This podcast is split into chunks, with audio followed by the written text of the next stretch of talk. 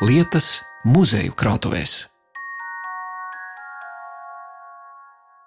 Varbūt arī jaunībā es uzskatīju, kāpēc man būtu jādara tas, kas man nav jādara. Man to nevajag darīt, tas ir jādara citiem. Tas nekas jau varbūt nav neviena, kas to dara. Bet nodarbojoties ar novadu pētniecību, es redzēju, cik daudz pirmskara Latvijā vietējie uzņēmnieki darīja apkārtnes labā. Tā bija inteliģence, tie bija saimnieki, tie bija biedrību vīri tas, ko viņi darīja, cik daudz viņi deva apkārtnei un cik daudz viņi deva ūziņiem. Nu, un ar laiku, acīm redzot, es pie tā pieradu, un man tas šķita pareizi. Un arī tagad es neskaitu laiku un stundas to, ko es daru ūziņu labā. Novada pētniecība mani par labāku cilvēku ir padarījusi. Tā savu iepriekš teikto pamato Uziņu bibliotekāre Gunita Kulmane. Viņa meklē, pēta, apkopo un saglabā dzimtās puses vēsturi. Jēlgavas novada zaļnieku pagastuūziņos līdzās bibliotēkai slējas divstāvu nams. Savulaik šī ēka ir celta par vietējo biedrību biedru savākto naudu. Par šo, kā tika celts šis nams, kādu mantojumu ir atstājis uzņņos dzimušais farmakologs Eduards Svirlovskis, kā uzņņos darbojies būtnieku saimnieks Dāvids Freimanis un ieskats kāda buļļa dzīves gaitās. Par to stāstīsim šajā raidījumā. Veros pa Uziņu bibliotekas logu uz pretējo ēku, divstāvu mūra namu, kuru pagājušā gadsimta sākumā uzcēla pateicoties vietējo piensaimnieku biedrības ierosmei.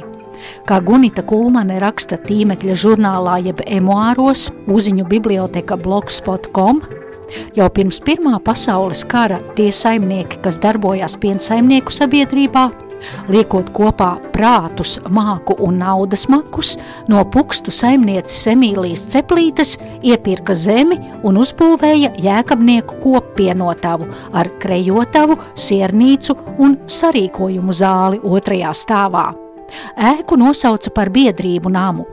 1921. gada 10. decembrī atklāja sarīkojumu zāli ar 300 vietām. Vēlāk tika piebūvēta skatuves daļa.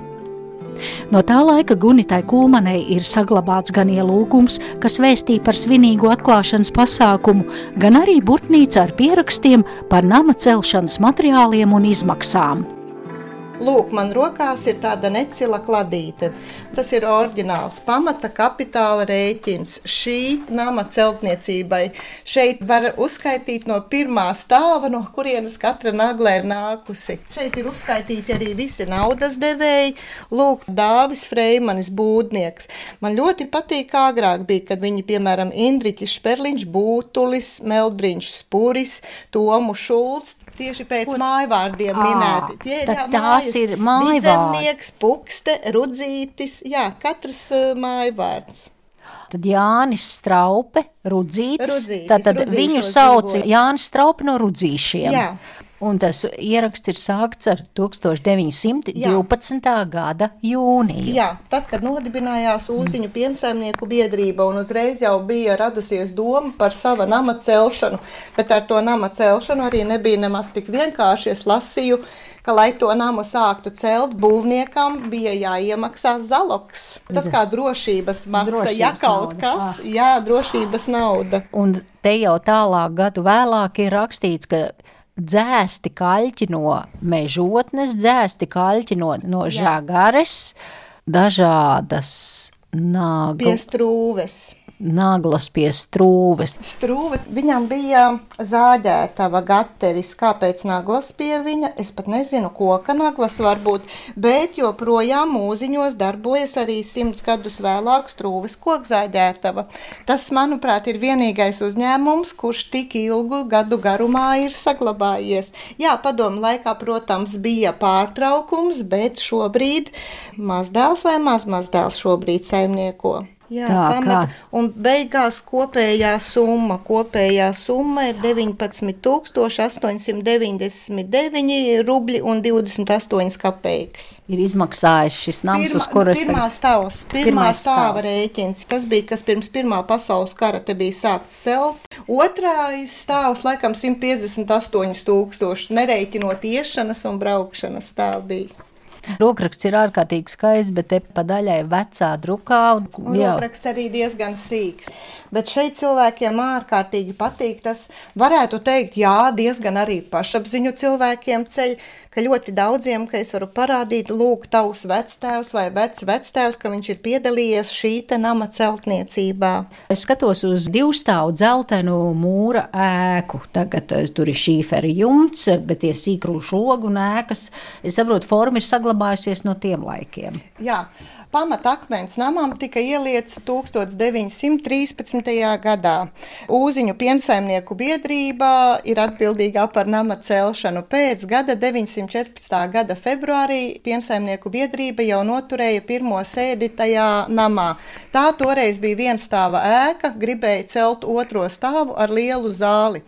Vēl pēc gada 915. gada februārī jau sāka pārstrādāt pienu un gribēja tūlīt sākt celt otro stāvu, bet uznāca Pirmais pasaules karš un ūziņi praktiski izbrauca tukši. Ap 90% no ūziņniekiem aizbrauca kara laikā nams palika puslīdz vesels, bet tie sagādātie materiāli tika izvazāti. Un tad, kad karš beidzās, uzīnieki atgriezās, izlēma, ka tas otrais stāvs ir vajadzīgs, jo pirmajā stāvā bija pienotava, bet biedrībām nebija kur palikt un izlēma, ka otrais stāvs ir jāceļ, lai būtu liela zāle un telpas biedrībām. Nu, tad vietējās biedrības, piensaimnieku biedrība, lauksaimniecības un uguns apdrošināšanas biedrība salika kopā naudiņu un nama būvi pabeidza. Un 1921. gada decembrī notika atklāšana, divu dienu atklāšana. Lūk, un šis te tad ir no Uziņu biedrību nama atklāšanas ielūgums. Uziņu biedrību svētku rīkotāja komiteja Jā, Lūdzu, nu- jūs pagodināt ar savu klātbūtni 10. un 11. decembrī šajā gadā Uziņu biedrības atklāšana. Jā. Sestdien no pulksten pieciem vakarā atklāšanas akts, runas, apsveikumi, goda mielasts, kora dziesmas un Vē... Viesīga sadzīve. Viesīga sadzīve. Jā. Svētdien, pulksten septiņos vakarā teātris, Jāņa akurāte ir komēdija kurzemē un deja pie labas mūzikas. Viens no biedrības nama celšanas iniciatoriem bija Dāvids Freimanis, kurš aktīvi darbojās vietējās sabiedriskajās norisēs, bijis Uziņu lauksaimnieku un uguns apdrošināšanas biedrībā. Freimaņu ģimene saimniekoja būdnieku mājās. Ēkas sen jau ir nojauktas, bet bibliotēkā glabājas dokumenti un fotografijas no Freimaņu dzimtas. Pēdējais būtnieku saimnieks bija Dāvids Freimanis, Aspazies brālēns. Freimaņu dzimta, manuprāt, daudzu gadu garumā ir bijusi ietekmīgākā dzimta Ūziņos. Tā ir bijusi izglītotiem, gaišiem, sabiedriski aktīviem cilvēkiem bagāta. Tajā skaitā jau sākot ar Aspazies vectēvu, kurš bija Ūziņu pagasta vecākais, Ūziņu pagasta tiesnesis, Lūk, Aspazies brālēns. Jā, šeit ir mape ar, ar tieši ar dokumentiem. Tā būtnieku saimnieks Dāvids Freimanis, 1909. Jā. gadā 35 gadus vecs. Skatos uz slaiku kungu, garos vizītsvārkos, gaišā kreklā. Jā, šīs ir būtnieku mājas. Ļoti skaista, kā Aspazīja rakstīja, ka tā jau ir kārtīga pusmuiža. Mēs bijām jau nonākuši Ūzeninku pagastā, kurš tāpat kā zaļinieki piedar pie zemgales bagātākā un lepnākā viduča. Bet par visām staltākas pacēlās būdnieku mājas, uz kurām jau bijām nobraukuši. Jaunbūvētā dzīvojamā ēka, celta no sarkaniem ķieģeļiem, izskatījās drīzāk pēc pils nekā pēc lauku dzīvojamās ēkas. Skaisti tā atcēlās no plašā zaļā dārza fona, kas to ierāmēja visapkārt. Būtnieki jau arī skaitījās ar savām pāri par 400 purvietām zemes vairāk par mūžu nekā par mājām. Tā Aspazīja raksta par būtniekiem savā bērnības atmiņu grāmatā Zila debesis zelta mākoņos bet mēs ar Uziņu bibliotekāri un novatpētnieci Gunitu Kulmani turpinām lapot Dāvida Freimaņa pierakstus un dokumentus, kas sniedz ieskatu par starpkaru Latvijas turīgu zemnieku saimniecību. Lūk, šeit ir mape tieši Dāvida Freimaņa personīgās lietas. Tas ir, kas ir nācis no viņa mājām. Krāja aizdevu kases, Zaļanieku. kārtības rullis, izdots Jelgavā 1913. gadā. Jā, Dāvids Freimanis aktīvi darbojās gan Ūziņu, gan Zaļanieku biedrībās. Šeit ir viņa privātie dokumenti, šeit, kur viņš kalpiem ir pierakstījis. Tā, es skatos uz e, līniju burtnīcas lapām izplēstām rakstīts Anna Mamaiku, Vecvirlauku pagastā, meita pie būdnieka no 4. jūlija 1928. gada līdz tā paša gada 1. decembrim par šādu algu - 160 lati, viens pāris tupeļu, viens pāris pastalu, trīs gabali ziepju, būdnieki 4. jūlijas 1928. Un, Jā. vie, un tie ir pie viņa Jā, strādājuši. tie ir pie viņa strādājuši puiši un meitas. Lūk, viņš ir ļoti pedantisks bijis. Paldies Dievam, ka viņš ir bijis ļoti pedantisks, daudz ko saglabājis. Šeit, lūk, ir krāšanas grāmatiņa. Tas arī no viņa. Jānis Vekša par priekšpuisi pie būdniekiem no 31. gada 23. aprīļa līdz nākamā gada no jurģiem līdz jurģiem 31. 32. gads par šādu algu. 470 lati naudā, 2 pudi miežu, 15 pudi rūdzu, 2 pudi zirņu, 2 mēri pašu sētu, laikam te rakstīts, 2 mēri kartupeļu. Ko tad vēl viņš te ir solis? dzi- Dzīja zeķiem un cimdi. Uh, februārī un martā pa nedēļai brīva savam darbam. Redz, cik interesanti, jā, var redzēt, nu, tās, ka ir iegrāmatots tās darba ņēmēju un darba devēju. Jā. uz laukiem attiecības kalpu un saimnieku iegrāmatots. Stīs vēstuli finanšu ministra kungam lūgums bija, jā. Nu labi, ka bija atstājis melnrakstu.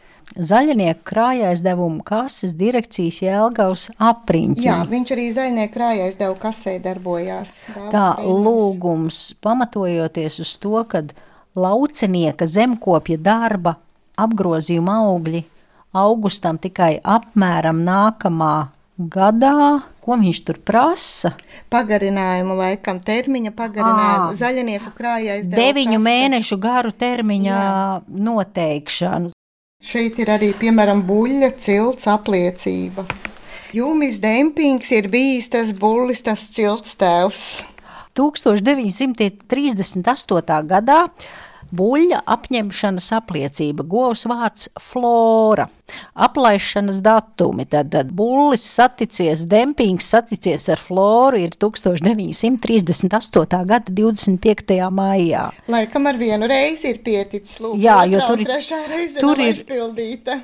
Un nākamajā lapusē govs vārds balva. Govs dzimusi 25. gadā, 16. aprīlī, un tā balva otrā dienā satikusies ar Jumi Dempingu 26. maijā.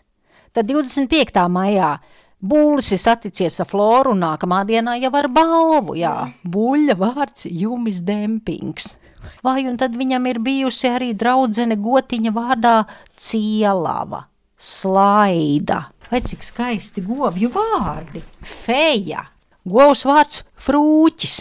Tā paša 38. gada augusta beigās satikusies ar Jumi Dempingu, Daina, Daugava, Rota, Aiviekste. Ieskatījāmies buļļa mīlas dienas grāmatā. Piena lopu cilts grāmata. To arī rakstījis Freimanis Jēkabnieku būdnieku saimniecībā. Tad tajā cilts grāmatā droši vien arī radu raksti vai tam pašam dempingam jumim vai kādai citai gotiņai vai būlim. ķermeņa Apraksts. Šeit vēl kaut kas kopiespaids. Normāls, pārsmalcināts vai rupšs varētu būt par govi. Kādi pēc kādiem parametriem tas viss ir nodrukāts? Konstitūcija - sausa, drukna vai vidēja. Acis spodras, nespodras vai dzīvas. Ā, te ir arī aste kāda ir. Resna, tieva, vidēja, gara, īsa, astes savienojums augsts, zems, vidējs. Piebildīšu, ka internetā, radio mājaslapā var arī aplūkot fotografiju ar daudzināto bulli Jumi Dempingu.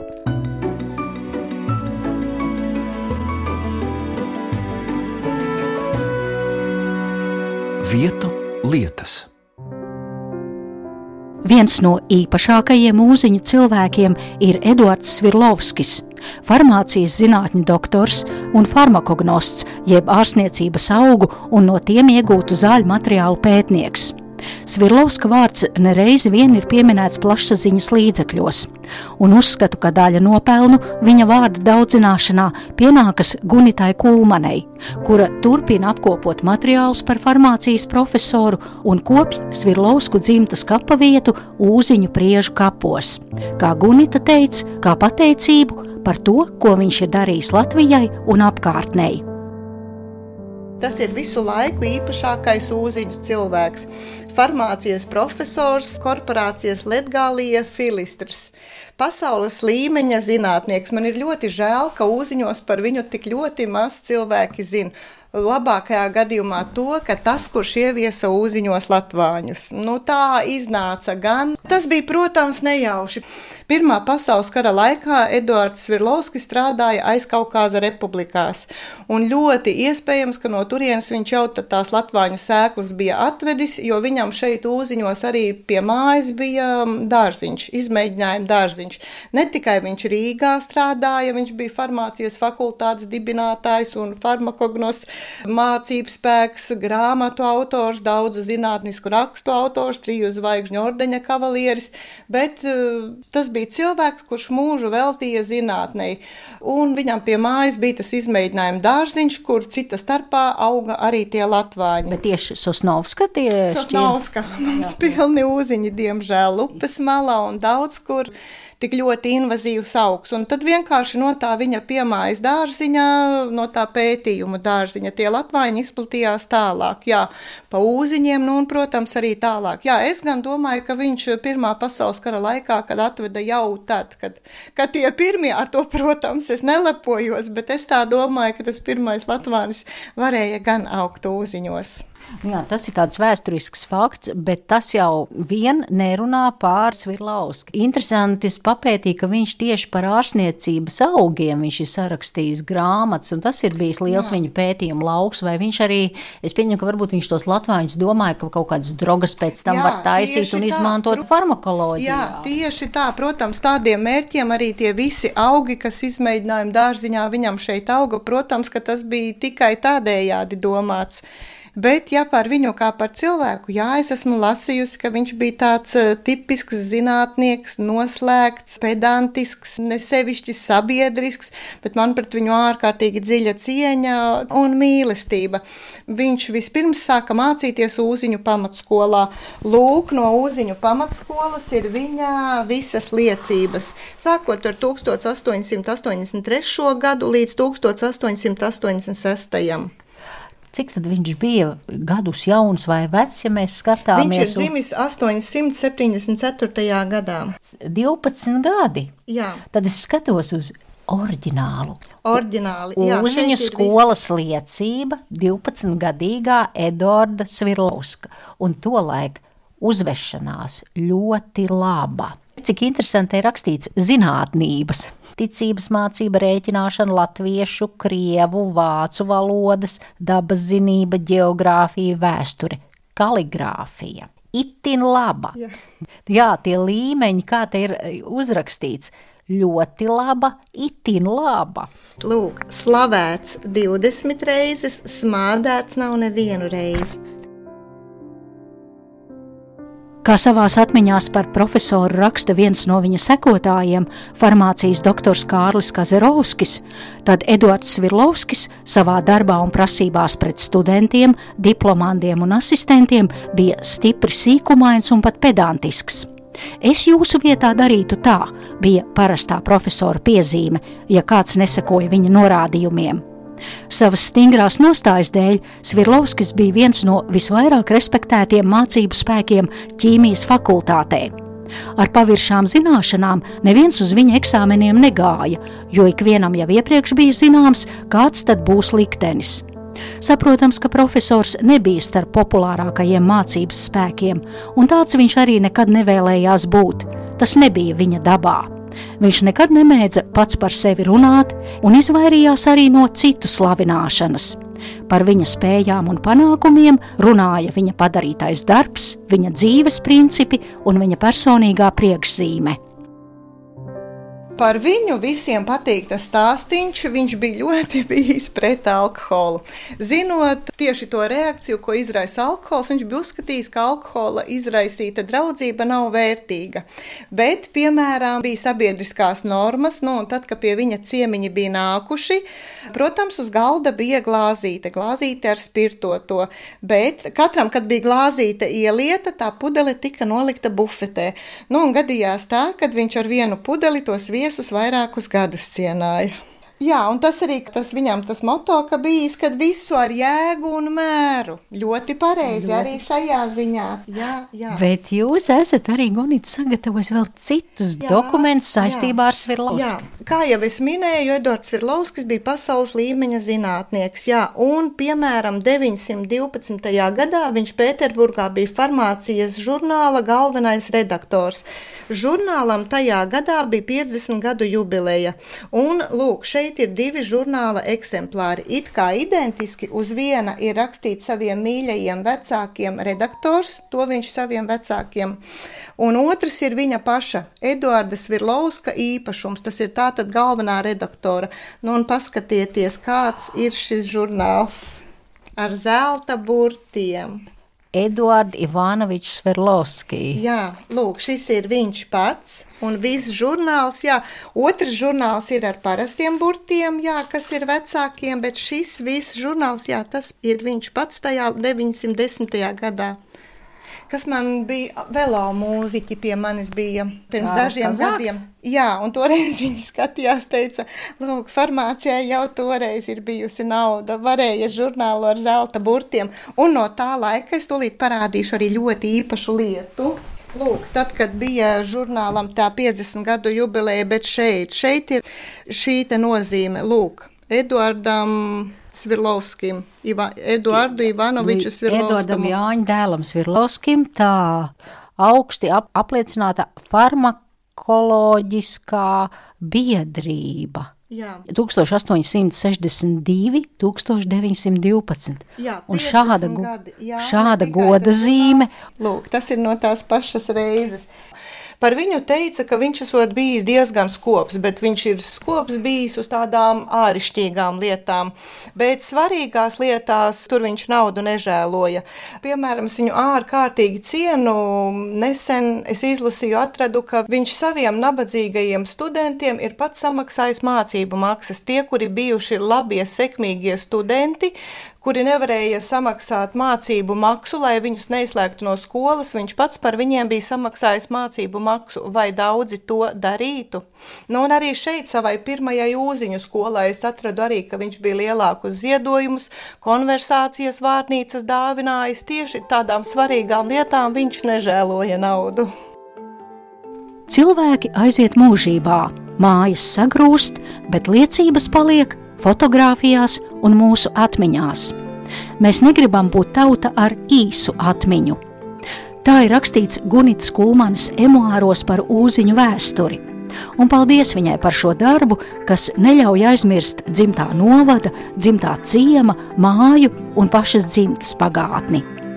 Raidījumā tika izmantoti fragmenti no Uziņu novatpētnieces un bibliotekāres Gunitas Kulmanas rakstiem Uziņu biblioteka blogspot.com. Raidījumu veidoja Zane Lāce Baltāksne. Vietu lietas.